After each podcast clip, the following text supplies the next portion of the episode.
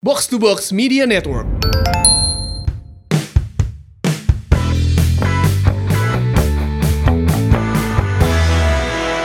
Assalamualaikum warahmatullahi wabarakatuh. Berjumpa kembali di Sima Maung Podcast. Yeay.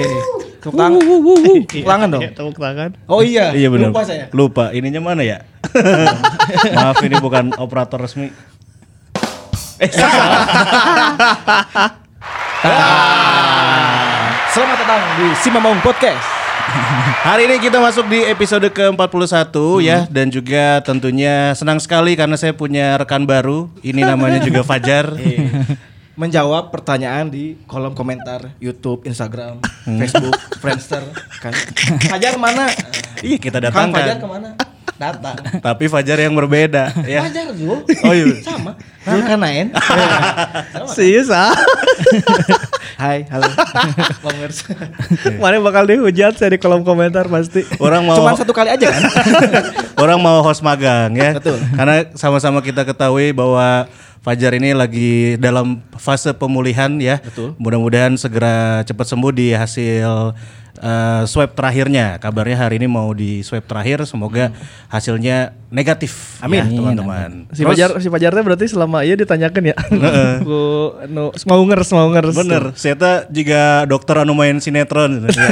jika Panggi Suwito, Yang nanya- Gigi Fadli. Yang nanya Fajar eh, se- sempet si Fajar teh kemarin sempat covid. Ya. Terus eh, dila- dirawat di Al Ihsan Balai Endahnya. Betul. Ya sekarang udah masuk fase pemulihan. Jadi kita minta doanya juga buat mau ngers semuanya supaya si Fajar balik lagi ke dia. Ya, dan juga semoga yang nonton semua, yang dengerin semuanya juga tetap sehat. Amin, amin, amin, amin. Dan sekarang di episode yang ke-41 ini kita juga spesial nih ya. Eh, gaya banget sih. Hari pakai ini jersey, jersey. Mengawali eh, 2021 ya di tahun yang baru ini, si Mamong Podcast sudah membuat jersey. keren banget. Dan kami menantang semua kartel-kartel box to box ya. Kalau mau main bola ataupun main futsal sama kami. Nanti lain Sini gitu, lain gitu. Jadi makanya kami ditantang anjing. Oh iya benar. Kayak bicara raguan. kita hanya ini sih sebetulnya kita hanya menjawab eh, tantangan Betul. sebetulnya. Kan kemarin-kemarin ada yang mention mention ke si Mamau. Ayo dong si Mamong eh, futsal. Ada delegasinya. Iya. Nanyain, ayo kita futsal. Iya, itu ada podcast namanya Man to Man Marking. Betul. Ya, mereka nantang-nantang kan katanya Eh kasih tahu tuh si Momong diajak main futsal buat menentukan siapa yang layak di box to box. Asik. Nah sekarang akhirnya kita jawab, ayo kita mau eh, main sama man to man marking, asal jersinya tiluhur sampai ke handap satu aparel, ya Yo. komplit, komplit, Komplit. komplit, komplit. Karena kami sudah menyediakan ya. ya tuh. Tidak hanya jersey, Nah, Dari baju ya. ada baju kiper, ya, Celana. celana, Nah, ini celana saya pegang celana juga nih. Nah, Oke, celana, jengkos kaki. Tapi kaos kakina ya. Ah, iya, iya. satu aparel, satu aparel, Satu aparel. aparel. Dan nanti menyusul sponsor-sponsor di sini, geprek bensu ya, siapa tahu mau ya silahkan. Kami juga membuka open ya. Betul. Masih banyak space biar kayak Persib. Berarti coach syaratnya kalau mau main sama kita Kalau si man to man mau ya jangan belang-belang lah jersinya jadi lah. dari atas Iya. celana sampai Kaos kaki, Kaos kaki. kaos kaki Kalau- harus harus seragam, harus Oke. seragam. Kalau enggak Kalau enggak mau ya, na- ya nanti lagi lah. Oke. Nanti lagi lah ya. Oke, deui lah. komplitkeun heula karek main gitu. Kalau misalnya baju sama celananya seragam tapi kaos kakinya belang-belang juga. Aduh. Nah, kayak deui lah ya. kurs ya. Kurs Karena ya. nanti di fotonya iya Kurang. sih, kita kan estetik banget orangnya. Nah, by the way, man to man itu sama nya. Si Kuns Si Kun tuh anu siga Pepi. betul. sama Gusman. Gusman tuh anu siga Aming. Oh, udah saya gor. Ya, jadi sa- Satu lagi sama ini yang kemarin rame ini. Oh, si Saun Aun. Rahman. No admin mafia wasit ya. Oh si Aud admin mafia wasit ya. Oh, gitu. Tuh, Kapal sih. karena kapal. Oke, jadi eh, man to man marking kita terima tantangannya, tapi kita tantang dulu untuk eh, kalian lihat jersey, kita pengen lihat jersey man to man marking kayak gimana Oke, ya. oke, siap. Kalau misalnya udah oke baru kita bertemu di lapangan. Kita penuhi. Kita penuhi Oke. tantangannya. Baiklah, nih. Oke, nih. kita balikin dulu Kita nih balikin ke- dulu nih. Nah, tolong kitman. ya, tah si Mamong mau boga kitman, boga Nah, maser, loba. Sekarang kita mau bahas apa nih? kita mau membahas nih ya pemain-pemain yang tumbang di Bandung. Alias para pemain-pemain yang tentunya selama berkarir di Bandung ternyata kontribusinya tuh agak sedikit kurang gitu karena memang cedera yang dialaminya dan ini memang banyak sekali ya. Iya. Dari awal mungkin siapa dulu nih yang bisa menyebut nama-nama kalau saya sih mungkin yang paling teringat adalah M Nasuha. Ya kan di timnas alus, di Persib kayak sedikit alus tapi ternyata gara-gara cederanya eh malah kurang bersinar gitu. Nah, selain nama-nama itu, mungkin ada banyak lagi nama-nama terakhir kayak SVD juga ke sini-sininya Tantan gitu ya. Ada Purwa- Purwakayudi juga ya. Nah, terus ada lagi nggak coach nama-nama lainnya yang sebelum-sebelumnya mungkin sebelum yang tadi sudah disebutkan? Eh, kalau sebelum-sebelumnya Kak Nusa ingat orang ya karena orang em, mengikutinya dari awal era Liga Indonesia berarti kan dari tahun 95-an ya 94 95 yang saya ingat saya yang pertama mulai merasakan cedera parah ketika dia lagi usia emas ya eh, Yudi Guntara ya. Yudi Guntara eh, dia tuh kayak mengalami cedera cedera naonnya ki Kang Yudi teh? Pokoknya kakinya sampai harus operasi lumayan parah karena dia mengalami cedera yang apa eh, ketika mudanya tenaganya terlalu di overload overload overload ketika muda. Terus eh, Yudi Guntara tuh masih umur saat itu nggak tahu 28 nggak tahu 29 gitu. pokoknya masih usia produktif tapi harus mengakhiri eh, karir cepat karena cederanya itu. Jadi Yudi itu di Liga Indonesia kedua kalau nggak salah udah mulai nggak nggak main. Itu yang saya ingat ya kalau di zaman dulu. Terus ada juga em, Liga Indonesia tahun 99 kalau nggak salah itu ada Yang Yang Johana Oke. Yang Yang Johana itu kakaknya Jajang Mulyana. Jamul. Jamul. Jamul. Nah, eta eta tiluan keluarga sepak bola kami Iya, nya Ki. iya, iya. Eh, yang yang Johana itu anak pertama, anak keduanya Denny siapa gitu dia itu wasit. Hanya perang wasatan aing di Wasit, wasit. Denny Somantri apa? Eh, nah yang ketiganya Jajang Mulyana itu yang paling menasional berarti ya kalau Jajang Mulyana. Nah itu eh, ada nama Yang Yang Johana dia dulu digadang-gadang sebagai penerusnya eh, penerusnya Sutiono Lamso. Jadi ya jago lah main bola pemain muda Jatinangor, main bagus, postur bagus. Yang Yang ini ini kan jadi kan Aing kan balas sok main bola di ker kuliahnya, ker ngekos. Jatinangor tuh suka ada main bola sore-sore kan di di lapang Unpad. Nah, itu suka banyak orang-orang Jatinangor juga pada latihan didinya. Inggris jadi urban legend gitulah sih Jadi orang-orang Jatinangor tuh, tah eta tah saya baheulana pemain jago tah cenah. Yang yang yang yang iya. Bu- kan yang yang tuh ada dua ya yang yang yang di perserikatan. Iya yang zaman Pak Jajang Jajang Iya. Nurjaman kan. It- yang flank, kalau yang ini yang yang yang Johana yang striker. Striker. Jadi katanya eh ceritanya ya, ya, tapi ya kudu dikonfirmasi deh nya. Ceritanya gini, jadi yang yang Johana itu eh, pagi-paginya tekan kontrak buat main di Persib kan dapat kontrak lah gitu untuk main satu musim. Terus sorena tabrakan cenah. Aduh. Jadi eta cederanya gara-gara tabrakan eta. Oh, berarti- Cenah mah gitu. Oke oke oke. Jadi eh, udah udah urban legend lah kalau di Jatinangor tuh kayak tah eta pemain alus tah bolana yang yang Johana kakakna si Jamul cenah. Si kakakna Juho cenah eta tapi eh, tidak sempat bermain dan belum sempat manggung karena cedera. Padahal potensinya saat itu digadang-gadang jadi salah satu striker yang ya jagoan lah regenerasi striker saat itu ada di Yang Yang Johana tapi tapi ya nasib belum berpihak kali ya. Soalnya waktu itu kan eh, jama era regenerasi itu regenerasi eranya Yudi Guntara dan kawan-kawan ke generasi eh, berikutnya ya. Salah satunya Zainal Arif waktu itu. Zainal Arif itu ditemukan sama pelatih almarhum Suryamin. Hmm, abo ya. Nah, gitu Abo itu masuk Persib tahun 19 musim 99 2000. Terus ada Nyang Nyang Johana, ada beberapa pemain lagi. Nah, jadi eh, sempat digadang-gadang bakal jadi the next Generasi eh, 95 ah, ada the next 95.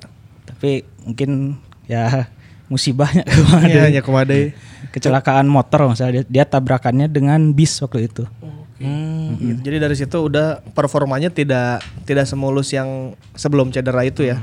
Dia sempat main di Persikabo kalau nggak salah, cuma ya 2001 itu main di Persikabo dengan kondisi kaki yang tidak fit, yang tidak fit seperti sebelumnya gitu. Oke, itu dia nama Nyang Nyang Johana yang tadi eh, mungkin ceritanya sayang banget ya ketika masa emas baru aja tekan kontrak sorenya harus Ya, lebar. cedera. Bahkan kita kalau masih ingat ceritanya Mas Gabriel Budi selaku agen bahkan di luar negeri kan ada klausul kalau pemain tuh nggak boleh naik motor misalkan. ya bahkan Pak Jajang aja kalau pemainnya dia harus pakai sepatu gitu. Ya, ya kalau itu ya karena Berarti kan untuk melindungi juga ya sebenarnya. musibah musibahnya. Iya, musibah itu. Pak dadagana mirip jamul, sa- hampir sarua gitulah. Eh jangkung, badag, dedem gitu. Eh suku kanan kiri oke gitu. Tapi eh ya itu belum sempat manggung di Persib senior ya Iya, pada iya. akhirnya itu. Baiklah. Dan nama selanjutnya ini ada eh, trio Banten. ya. Coba eh, siapa aja nih? Trio Banten ini ada Imam Riyadi, ada juga apa? Nasuha dan juga Bang Tema. Wah, tema Mursada. Tema Mursada. Iya. Ini rada kalau trio Banten agak unik. Eh, Nggak tahu kenapa semua hampir semua pemain Banten yang main di Persib Bandung berakhir dengan kondisi cedera ya. Iya. Eh, Imam Riyadi cedera, M Nasuha cedera, Tema Mursada cedera, mungkin cuman Udin Rafiudin berenur ada entunya. Udin mata cederanya sih kan Cedera tapi karirnya juga nggak terlalu gemilang kan. Iya iya perlu diakui kan tapi gitu. Iya, Berarti kalau nggak cedera karirnya nggak gemilang Ya, gitu ya. Udin backup lah ya. Ya, di Bandung Raya backup, di Persib backup. Jadi Imam Imam Riyadi itu eh itu juga digadang-gadang dulu sebagai sebagai eh next levelnya dari Yusuf Bahtiar. Jadi dia punya teknik dan visi yang yang ciamik pisan lah, Xavi Hernandez lah. Jadi mainnya nggak stylish gitu, mainnya stylish, visinya bagus. Kan kita dulu ada Yusuf Bahtiar. Nah, ketika Yusuf Bahtiar mulai tua, eh, rencananya memang akan diganti oleh Imam Riyadi kan saat itu di posisi gelandang gitu Iya. untuk sebagai pengatur serangan. Nah, masalah yang terjadi adalah yang pertama Imam Riyadi itu siganu homesick. Homesick kan hayang balik deh, hayang balik terus ke Serang gitu. Menurut pengakuan beberapa teman-teman ya, ya Imam balik deh balik deh cenah ka kampungna cenah. Jadi seberapa minggu di Bandung hayang balik, seberapa minggu di Bandung hayang balik. Nah, diperparah dengan kondisi dia kayak punya cedera ngagijleg teuing kumahanya jadi tidak pernah dalam satu musim kompetisi full gitu dia main yang eh, fit gitu. Jadi kayak kaki kacanya. Ya. Aya aya we cederana gitu dalam satu musim. Padahal eh, saat itu ketika kondisi cedera pun kayak Marcos Flores Imam masih bisa memberikan em, masih bisa memberikan eh, sumbangsih yang baik melalui umpan-umpan cantik dan melalui set piece-nya. Ah, Terbukti waktu lepas dari Persib pun dia di Pelita KS masih dipakai. Walaupun dengan kondisi cederanya di, di Pelita KS masih jadi bintang saat itu Serang juga kayak di Persera Mang Sepugu jadi legend lah di Serang mah nya. kita sampai ke akhirnya di Cilegon United masih masihnya di di wilayah Banten mah Imam Riyadi legend pisan lah gitu. Cuman ketika di Bandung memang tidak bisa performanya harusnya bisa melampaui potensinya gitu. Misalnya potensinya 100 di Bandung tuh Imam cuman bisa di 70 karena kondisi cedera itu. Kalau M Nasuha mana bukan cerita M Nasuha tuh? M Nasuha ya sebenarnya kayak mayoritas pemain bola yang karirnya habis karena cedera itu di cedera lutut ya. Jadi Nasuha itu main bagus banget di AFF 2010 betul. dan waktu masuk ke Persib dia punya cedera meniskus. Meniskus itu di ada eh, apa semacam bantalan di bagian lutut di persendian lutut. Itu teh Nasuha udah beberapa kali operasi dan nggak pernah kembali ke performa terbaiknya gitu. Salah satunya waktu main di Persib itu dia cuma main setengah musim di, di Persib waktu itu. Dan akhirnya sampai sekarang udah nggak kedengeran lagi kan namanya. Pensiun nggak salah dia. Ya kalau Mas- Nasuha juga usia emasnya lagi bagus-bagusnya. Persib membeli Nasuha kan dengan label tim nasional kan. Dan Dia bisa main di back kiri, dia bisa main di back kanan, bisa main di flank kiri, bisa main di flank kanan, bisa main gelandang bertahan ya siga Toncip lah gitu.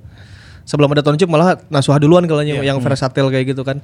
Masalahnya adalah ketika ke Bandung ternyata Nasuha tiba-tiba nya miliknya tak alusnya tiba-tiba cedera gitu. Ketika lawan PSPS Pekanbaru untuk salah. Habis gitu udah Nasuha tidak pernah kedengaran lagi dan karirnya di ya di Bandung ya selesai gitu. Terus tema Mursadat juga dalam puncak kejayaannya dia harus mengalami cedera. Si tema cedera naon ki? Cedera lutut. Lutut oke. lutut juga. Jadi dia sempat jadi di pergantian musim 2008 ke 2009 itu sebenarnya tema diproyeksi jadi tetap jadi kiper Persib tapi dia punya cedera lutut dan harus dioperasi nah pemulihannya itu yang agak lama. Bisa sampai enam bulan waktu itu. Yap. Akhirnya Persib mendatangkan Kosin kan waktu itu. Dan Oh, di iya, situ eh, jadi temanya batal di kontrak untuk musim 2009 dan Persibnya jadi pakai Kosin. Kosin part 2-nya. Ya Kosin part 2 itu. Kasih anu Persib lagi sekenahan deui-nya eta. Nah itu jadi trio Banten mengakhiri karir di Bandung Iya. dengan kondisi cedera. Nah untuk orang-orang Banten lagi yang main di Persib semoga Tidak di- terjadi ya. Semoga tidak terjadi cedera ya karena ya sejarah harus agak diganti ya Nah, gitu. benar benar benar. Terutama juga mungkin ya bagaimana caranya menjaga kondisi fisik dan memang ini kan beda-beda ya gitu. Cedera kan kadang-kadang kita juga nggak bisa maksain diri dan juga memang para pemain juga tidak bisa gimana lagi gitu namanya kondisi yang tidak mungkin dan dipaksakan untuk terjadi. Selain tiga nama tadi, eh, kita sekarang beralih ke M Yusuf. Nah, kalau M Yusuf ini ceritanya gimana? M Yusuf, M Yusuf teh kalau sekarang kayaknya Ardi Idrus ya, gak gak gak ya gak disangka-sangka. Terus pe- pemain dari luar Bandung tahunya bagus banget mainnya waktu itu. Jadi eh, M Yusuf itu main di Persib di musim 2002 di zaman eh, Coach Marek. Dia asalnya main di Persema, dapat kesempatan main untuk ke Bandung.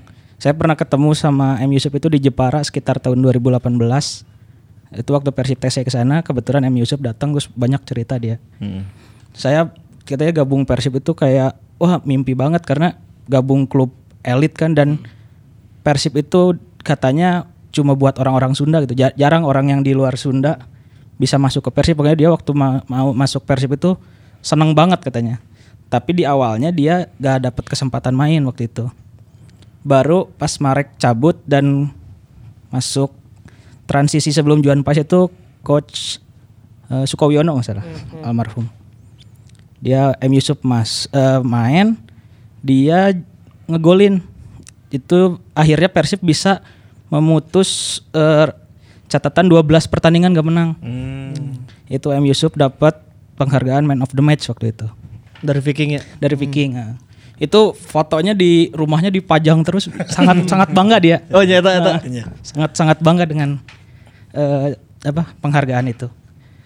Nah, M Yusuf itu mengalami cederanya justru di akhir musim. Oke. Di peralihan mau ke musim 2003 dia sebenarnya mas, eh, mau masuk juga eh, proyeksi timnya Juan Paes. Tapi M Yusuf cedera waktu latihan di UPI. Hmm. Dia latihan di lapang UPI di tackle sama teman setim tapi dia nggak mau cerita nggak mau cerita siapa tuh teman setimnya. Dia kena tackle patah kaki. Oh. Dari situ udah habis. Dari situ udah nggak nggak udah nggak kedengeran lagi namanya. Siapakah teman setim saat itu? Turun ke Jepara. Berarti anda M Yusuf ya di Jeparanya? Di Jepara dia buka eh apa toko olahraga gitu dah. Gak jauh dari Stadion Gelora Bumi Kartini. Jalan kaki juga nyampe. M Yusuf Sport namanya. Naonnya pokoknya eta lah itu jauh. Oh jadi kalau bobotoh yang misalnya ada ke Jepara misalnya orang aya main dejing Persijap gitu. Hmm. Eta gampang bisa ngaksesna ngakses ka imah M Yusuf atau ka toko eta gampang bisa nih. gampang gampang. Dan ternyata pasti welcome ya. Welcome kok. Dia sa- sangat sangat welcome. Eh, jangankan kita jurnalis ya, tapi dia sama Boboto juga sangat sangat Welcome dekat. banget itu ya. Ha. Anjir M Yusuf. M Yusuf. Sehat selalu M Yusuf. Oke, sekarang eh, M Yusuf udah kita ke selanjutnya ada Jejen Zainal Abidin. Waduh, iya ini. ini nih dulu digadang-gadang adalah wah pemain yang kayaknya future-nya Persib lah masa depannya Persib, tapi gara-gara cedera Lagi-lagi tidak ya. bisa menampilkan performa terbaiknya. Ada cerita apa dari Jejen coach? Jajan itu tahun berapa ya? 2002 eh Enggak enggak 2000 se 2000 Ya, zaman zamannya Daniel 10, Rukito itu. 10, 10 10 ha. 2010 nya J- Jajan jadi dalam kondisi tim yang waktu itu nggak tahu gimana compang camping eh timnya Sahril Ishak saat itu. Ya. aya Sahril Ishak aya Pablo Frances aya Eloko. Cuman main si Ganu Hese gitu kan menang. Tiba-tiba ada satu harapan di sebelah kanan anak muda bernama Jajan Jenal Abidin.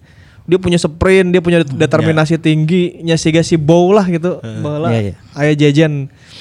Terus alus main hampir bagus hampir setengah musiman ya Jajan tiba-tiba udah aja Jajan yang kita kenal hanya Jajan di musim itu Iya. sampai sekarang guys saya lengit gitu. Lagi-lagi cedera lutut masalahnya. Si Jajan berarti cuman semusim itu ya.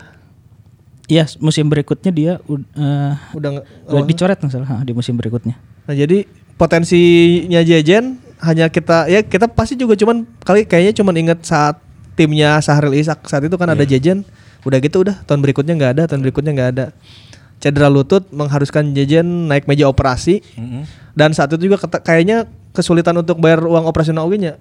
Mungkin Udah gedor kadia kadia itulah nggak ada yang cari tamanya si Jajan sampai akhirnya dia berhasil dioperasi dan sekarang eh sampai terakhir sih main di saya taunya di Bantul. Iya. Tapi memang eh, setelah cedera di Persib itu dia memang di dalam klubnya nggak jadi nggak maksimal ya paling main tapi eh, tidak reguler gitu. Iya. Ya terakhir-terakhir mas saya tahu main di Di JNE. ya di JNE di JNE di JNE di JNE benar benar. benar. JNE. Gacong ya. Karena Dia, gawe di dia JNE. karyawan Oh, JNE. Oh, oke.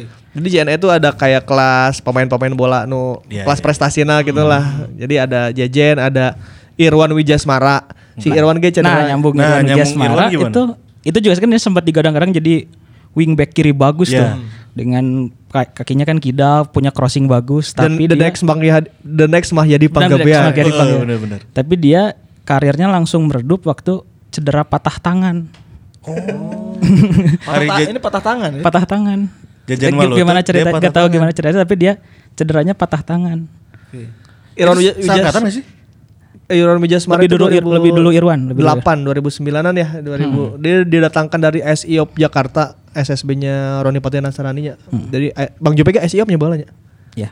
Jadi dari SIOP dia datang ke sini eh, atributnya dia punya kaki kiri, punya postur bagus, kaki kirinya bagus, umpannya bagus. Kayak ngelihat Mahyadi Panggabean main lah gitu. Dengan kondisi punya finishing yang bagus. Nah, ya lagi-lagi ya belum sempat belum sempat manggung, keburu cedera. Itu juga yang menyebabkan eh, saat itu berarti ada Munadi juga ya. Munadi itu kan layu sebelum berkembang ya. Ya. Eh, Munadi di tim juniornya sangat wah elit lah. Lingkungan elit tim junior saat itu kan Munadi, Dado, em, Randy. si Randy, si Ferdinand. Jadi ya hitung pemain-pemain jago di usianya saat itu. Tiba-tiba Munadi harus mengalami cedera dan ya kita lihat Munadi yang sekarang ya segitu aja gitu. Dia dia kalaupun pindah klub backup, backup, backup, backup. Padahal saat saat juniornya Munadi dan pisan lah ya saya tahu. Cerah lah ya. Pemain terbaik kan? Iya. Pemain terbaik kan. pemain terbaik. Tapi saat ini masih main juga kan di Tiraya. Iya. saat ini main. Oh iya, ya maksudnya ya untuk di level senior akhirnya bukan kelas elit lah gitu, bukan kelas yang langganan timnas, bukan kelas yang eh, bintang nomor satu gitu. Padahal dulu ketika juniornya Munadi memang di level itu, di level elit. Gitu. Cedera membuatnya tidak bisa berada di level teratas lagi. Nah, ada tiga nama berarti ya, tadi ada Jejen, Irwan Wijasmara dan juga Munadi.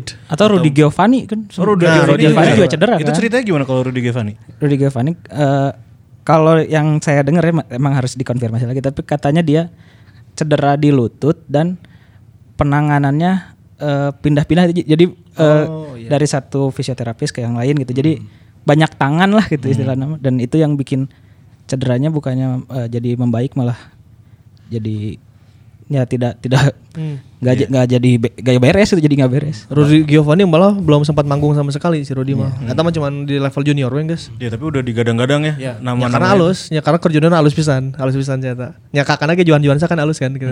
Tapi si Rudiana halus oge sebenarnya. Gitu. Berarti angkatan itu banyak juga ya termasuk Randy Saputra juga kan kemarin sempat cerita sendiri. Cedera, Ka- oke. Karirnya habis karena cedera lututnya. Ya mungkin kalau mengutip perkataan Yudi Guntara ada masalah overload di usia muda juga ya gitu. Kalau usia muda kaki kamu udah dipakai eh, kapasitasnya berlebihan memang kemungkinan nanti ketika senior eh, ada kemungkinan cedera gitu karena tidak naon ya eh, misalnya kapasitas suku mana di umur sakit itu 10 gitu. Ini dipakai 12 gitu. Di forsirnya terlalu di forsir mungkin oh, gitu ya lagi-lagi memang kita mah siga faktor memiliki ya Indonesia mah tapi ya tapi aya oge nu kuat gitu sampai ke ujung Oke. Ada yang sempat cedera tapi bangkit lagi ada. Wih, itu dia. eta sa Babang Hilton. Hilton, Oh iya Hilton. Hilton itu pernah cedera parah di lutut musim 2010 yang katindihanku Seme Pierre Patrick Persema gini.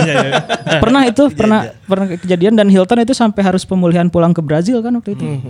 Pemulihan ke Brazil terus dia di musim berikutnya dikontrak lagi sama Persib dengan kondisi yang belum pulih Belum sebenarnya. pulih ya. Ha-ha.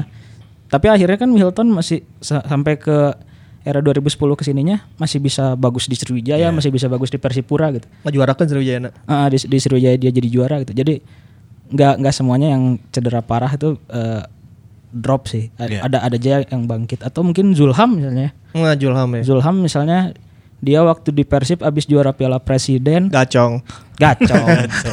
gacong karena masalah ekonomi murahnya haritanya legana eueuh ya Ligana eueuh. Iya. Gacong cedera ACL operasi. Mm-mm. Sempet drop tuh karirnya. Dia terus dia ke PSM, di PSM bagus lagi di 2019 ya. Iya. Dia- Itu bareng Robert juga kan? Bareng Robert dia bawa PSM juara Piala Indonesia dengan status pemain terbaik dan top scorer juga ya. Hmm. Kayak yang dia lakukan di Piala Presiden waktu sama Persib. top scorer dan eh, Pemain terbaik. pemain terbaik plus juara. Oke, tadi terakhir ada di nama Jejen. Jejen. Sekarang kita ke nama selanjutnya ini ada Tantan. Tah, si Kujang Lembang. Ini mah bukan di masa emas, mungkin di akhir karirnya memang dan sempat juga bawa Persib juara untungnya kan. Kalau Tantan memang secara karir juga eh, agak unik ya. Tantan itu dari muda dia pemain kabupaten kan, pemain dia orang Lembang terus main di Persikab. Besar di Persitara jeung ieu jeung Prince Kabir Belo. Yang Tugi Hadi. Kita paket Lembang eta. Yang Tugi Hadi. Tantan ya Tantan tuh kayak nggak pernah dilirik eh, oleh manajemen Persib Bandung lah gitu karena nyateng kumaha gitu Tantan kita mengenal Tantan bukan bukan besar di lingkungan Persib gitu ya. Tiba-tiba di akhir karir di penghujung karirnya dia dia bisa pulang tuh ada jalan bukan pulang ya ada jalan menuju Bandung gitu. Hmm, Walaupun sebelumnya ke Sriwijaya juga pernah ya. Ya. Emang di Sriwijaya ya Sriwijaya pernah Persitara eh, sempat ke Batavia Union apa Ya ya. Indonesian Premier League ah pokoknya nges ngaco ya karirnya dengan kondisi padahal Tantan kita kenal sebagai pemain bi- bisa one man show gitu ya dia bawa Persitara bisa kusorangan gitu bisa ngegocek ke ujung ke ujung gitu Nah, tapi entah kenapa saat itu Persib memang belum belum berjodoh dengan Tantan gitu dia di Persikap bisa di Persitara bisa di Sriwijaya bisa tiba-tiba 2014 angin naon mau Tantan kadi orang nanti kita harus wawancara Tantan juga ya. Tiba-tiba bisa ke Bandung kejuarakeun weh gitu.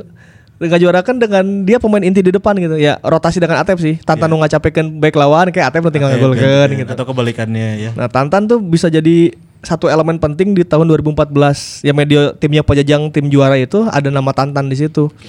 Cederanya waktu kapan orang tak apal tapi Cederanya lawan Arema di Liga 1 2017. Itu yang debutnya Eze. Kalau kalau Boboto inget. Oh jadi setelah juara ya. Iya, dia duel sama Ahmad Atayev. Oh, nya nya nya nya nu, nu gede awakna ya. Nya. Oh di cover aku sih eta. Duel sama-sama nyeleding nggak salah bola 50-50 sama-sama nyeleding lututnya dia benturan. Tak dari situ eh, cederanya Tantan dia langsung diganti dan besoknya pulang ke Bandung kondisinya udah dia jalan udah pakai tongkat dah, dan kata dokter tim Raffi Gani "Ya udah udah harus operasi itu. Udah bukan nggak bisa dari apa? terapi doang harus udah harus eh, operasi.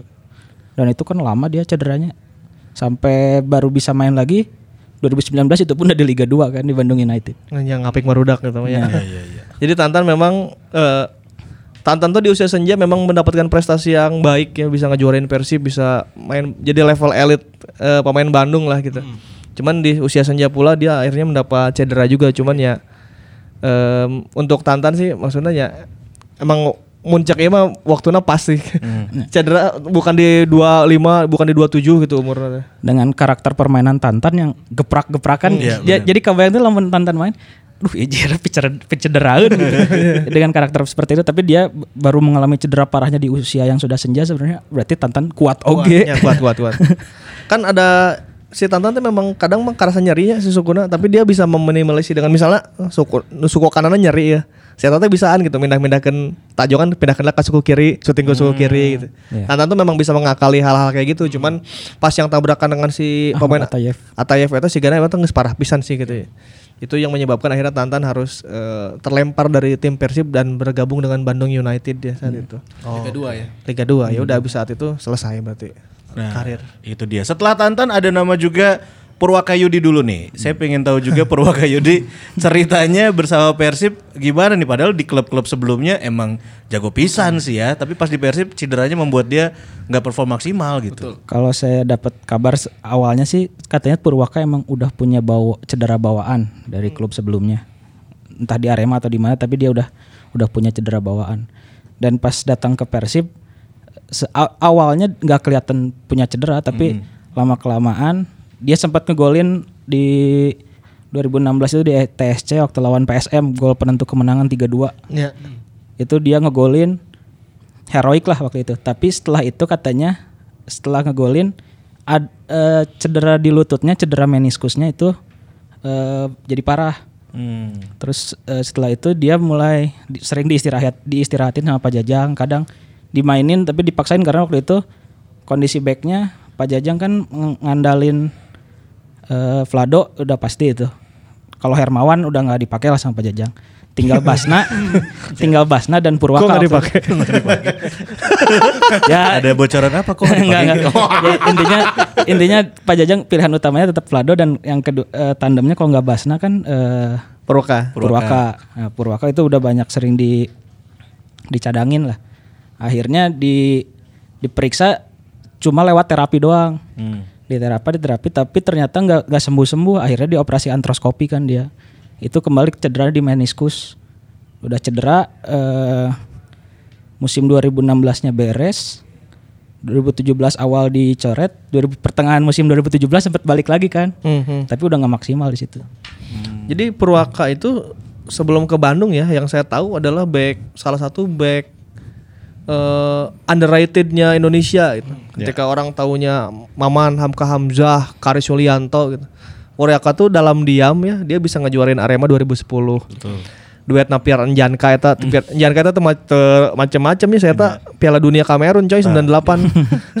Terus memang siapa pun pemain asing Arema satu tempatnya itu di center back udah pasti ada Purwaka Yudi. Nomor dua Arema mah mau bisa ke mana-mana eta geus pasti ku si Purwaka we. Main rapi, bisa set up, nggak banyak omong.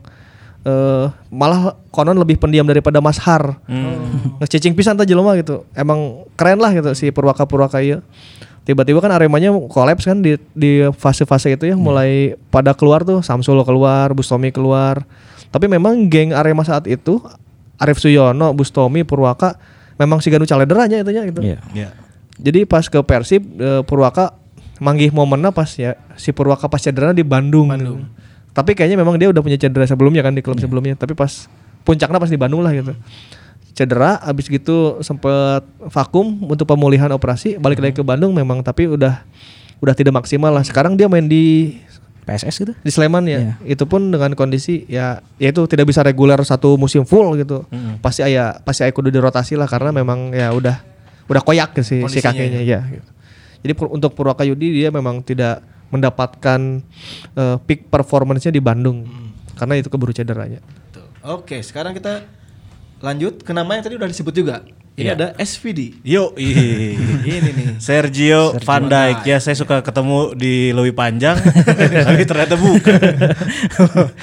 Sergio cederanya 2017 di Piala Presiden waktu itu delapan besar di Solo lawan Mitra Kukar.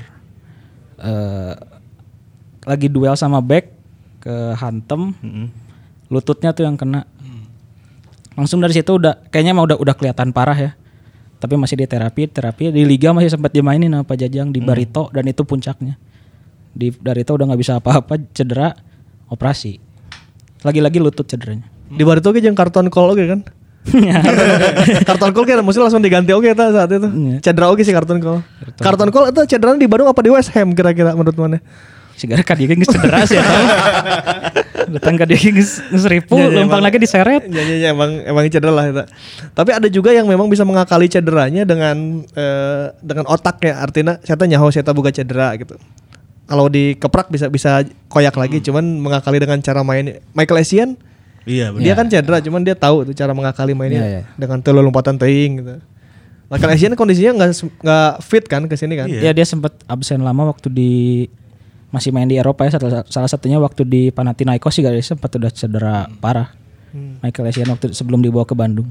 Marcos juga di- dengan kondisi nggak fit kan ke sini kan. Iya. Tapi dia bisa mengakali dengan Iya, iya. dengan caranya dia gitu. Benar benar benar. Itu dua pemain itu kalau ngelihat uh, visi bermainnya mungkin uh, cuma jogging doang, tapi ketika ngasih breakthrough atau terupas kayak jago pisan. Saya sesa sana lah, pakai sesa lah, pakai sesa otak nu ayah lah gitu. Nah ini kalau SVD ada cerita menarik apa di balik cederanya? Cederanya tuh kayak gimana gitu sampai akhirnya harus mengakhiri karirnya padahal dia dinaturalisasi di Persib dan jadi andalan timnas juga cuma nggak terlalu banyak makan. Cederanya di ACL, ligamen anterior cruciate ligament itu emang cedera eh, hantu untuk pemain bola kayaknya itu ya. Si Etam cedera non. Eta meniskus. Sama-sama di lutut. Ada ada ada korelasinya lah dengan ligamen-ligamen itu. Bisa parah tuh. Sejauh ini sih katanya sih masih grade yang paling rendah ya di cedera meniskusnya jadi nggak sampai harus operasi tapi eh nya mudah-mudahan itu naon lah. Mudah-mudahan tenan karena si Etam itu potensi terbaik Bandung saat ini ya. Iya, betul. Baikam Putra Nugraha semangat. Jaga cedera. ya. Jadi si SPD cuman sa- cuman dua mu- dan dia belum pernah pindah ke klub lain selain Persib Iya. kalau di Indonesia Iya, ya. iya. Tapi memang cedera oke. Akhirnya guys saya balik ke Belanda. Jadi agen gitu. Padahal nggak sendiri natu- naturalisasi jangan boga KTP-nya. Nah, dan selanjutnya tadi udah kesebut ya ini dia Sex, Drugs and Charlton Cole. Ya kunaon ya. Iya mesti karena Pak Jajang di podcast Mang Yana yang ngomong di podcast di podcast orang geus ngomong bahwa sih emang geus cedera sih Ya. gitu geus datang dengan kondisi geus teu bisa main geus di karton gol mah. Ya, nya geus eta mah ya. Ya. Tapi menurutnya Jibril Kolibali we datang ke dia kondisi cedera masih kena 8 gol. Tuh ai karton gol 0 gol. Golnya uji coba lawan Persika eh, Karawang. Ya enggak selebrasi deh. Selebrasi. Yang cek sih selebrasi rek naon. Aduh, karton gol emang datang ke Bandung dengan kondisi kaki yang udah ngaco.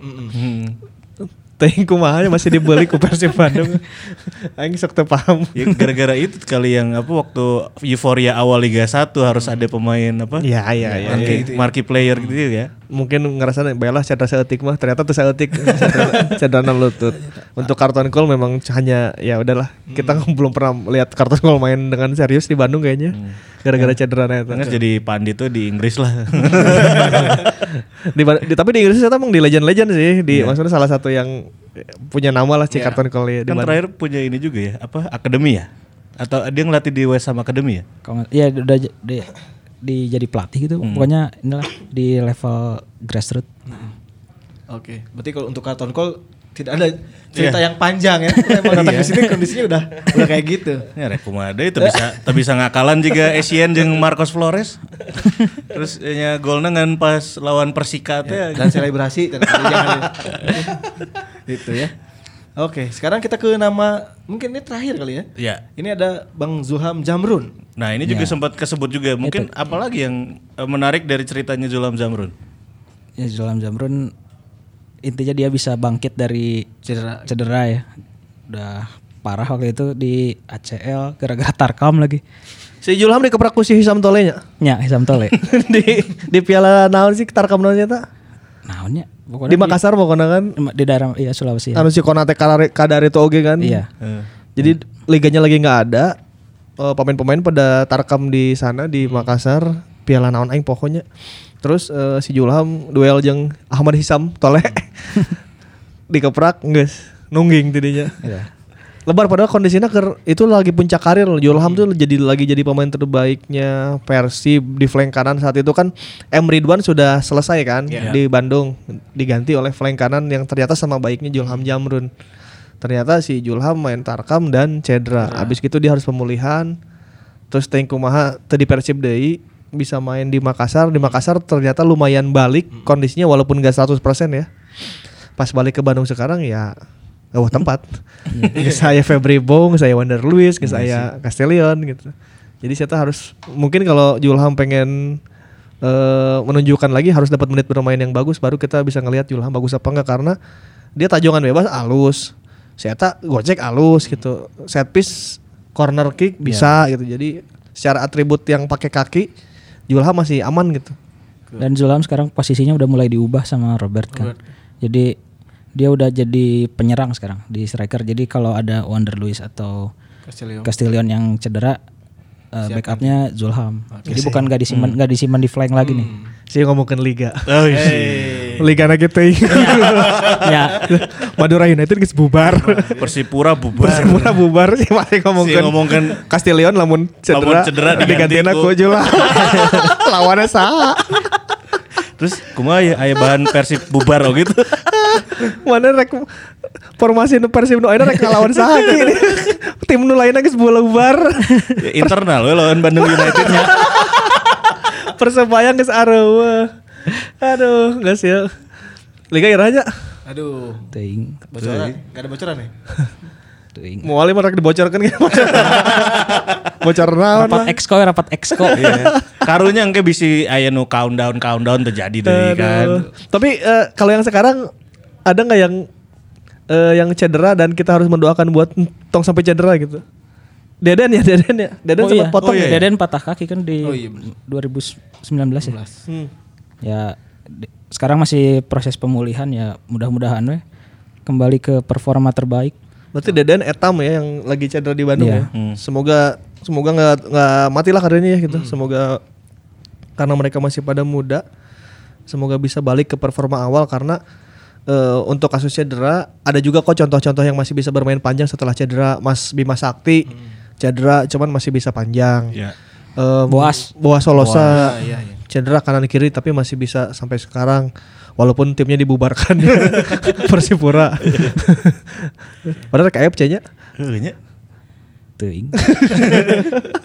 Tapi AFC masih lama kemarin Mei eh ah, April. Iya, masih ada lah ya. Iya. Ya lamun tadi diundur kan Piala Asia ge diundur. Ya pokoknya gitulah masih ada contoh-contoh yang bisa sembuh gitu walaupun ya contoh yang kita ceritakan tadi juga banyak ya yang akhirnya harus eh, berhenti ketika eh, dia di puncak karir gitu. Hmm. Nah ini sepengamatan kalian kira-kira bagaimana mungkin cara-cara para pemain menjaga kondisinya terutama dalam eh, usia-usia emas gitu supaya tidak eh, terkena cedera yang panjang dan bahkan bisa membunuh karirnya juga. Itu mah kudu ka ngobrol jeung fisioterapi jeung isi sih jeung ahli gizi soalnya Hmm. Eh, memang ada langkah-langkah pencegahan untuk tidak cedera ya maksudnya dengan memilih makanan yang baik, memilih porsi latihan yang benar. Ya. Cuman yang karena sepak bola lagi-lagi memilihkan kan gitu. Orang sebenarnya kumaha digaprak sekali sehingga si Kim Kurniawan mah nye- nyepotong oke mun digeprak carana gitu mah gitu. Ku Rudi Widodo di Solo teh ya, orang geus main hati-hati gitu. Tapi lawannya hantam-hantam ya pasti aya wae gitu si memar-memar atau itu kan full body contact ya sepak bola jadi tidak bisa dihindari gitu si kontak-kontak fisik.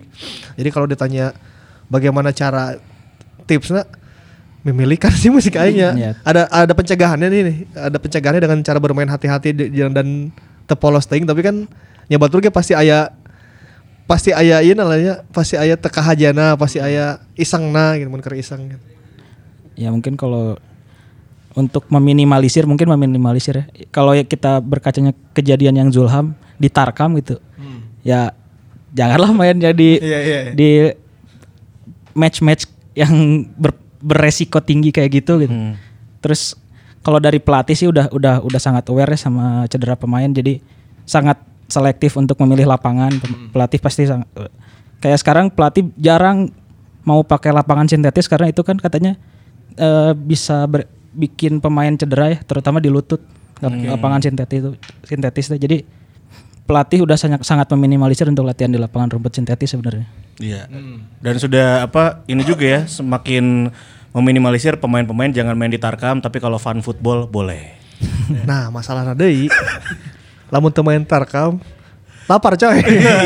Eta tarkam itu menggiurkan sebenarnya. Anak istri kasih makan apa gaji Eta- dipotong kan? Nah, eta kan sebenarnya kalau di Indonesia dilema ya. dilema, iya, iya. Mana di luar negeri liga eueuh tapi kan masih full gajian ya. Iya. Misalnya eta tim nu dibubarkeun tah pemain Madura misalnya tim nu dibubarkeun gajinya kan eueuh tah. Tim mana? Ya Tarkam lah. Agam Turki dan agen-agen Tarkam ya. Bersiaplah mengambil pemain Liga 1. Jadi ya udah kita mah berdoa untuk eh, pemain-pemain yang ada di Persib terutama. Eh, terus eh, untuk yang di Indonesia juga eh, semoga terhindar dari cedera ya karena itu bisa membunuh karirnya maksudnya. eh, ya semoga lepaslah dari hantu-hantu cedera kayak gitu. Dan semoga selalu cager sukuna, semoga bisa membawa Persib Bandung ke peringkat terbaik dan teratas. Ya dan besar harapan kita juga liganya akan terus dilanjutkan karena Angki sudah menyusun tadi kan Strategi. strategi strategi ya kan. Kalau juga Robert, orang juga Robert. ya kan? Kalau Julham ini bisa bisa- siapa? Digantinya Castillion belum pulang dari Belanda kan. Nah, Aduh. Luar biasa ya. Dan ya sudahlah itu dia eh, akhir dari episode 41 kali ini. Terima kasih banyak Boboto dan juga Maungers yang sudah eh, mendengarkan ya dan juga menyaksikan tentunya si Mamong Podcast episode kali ini. Dan silakan host magang. Saya Saya di chat sama saudara Fajar. apa tuh? Nge-hostnya jangan bagus-bagus pak. Takut kegeser. Anak ancaman pemain senior adalah pemain muda. Iya. Dan murah Hati-hati anda Fajar Oh mana lo yang mertasi Fajar? Sementara ya udah sip. Oke Ya jangan lupa dengerin si Mamong Podcast di Spotify, di Spara dan juga di Apple Podcast dan juga kamu bisa nonton videonya di YouTube channel si Mamong. Kita ketemu lagi di minggu depan. Hidup Persib. Hidup.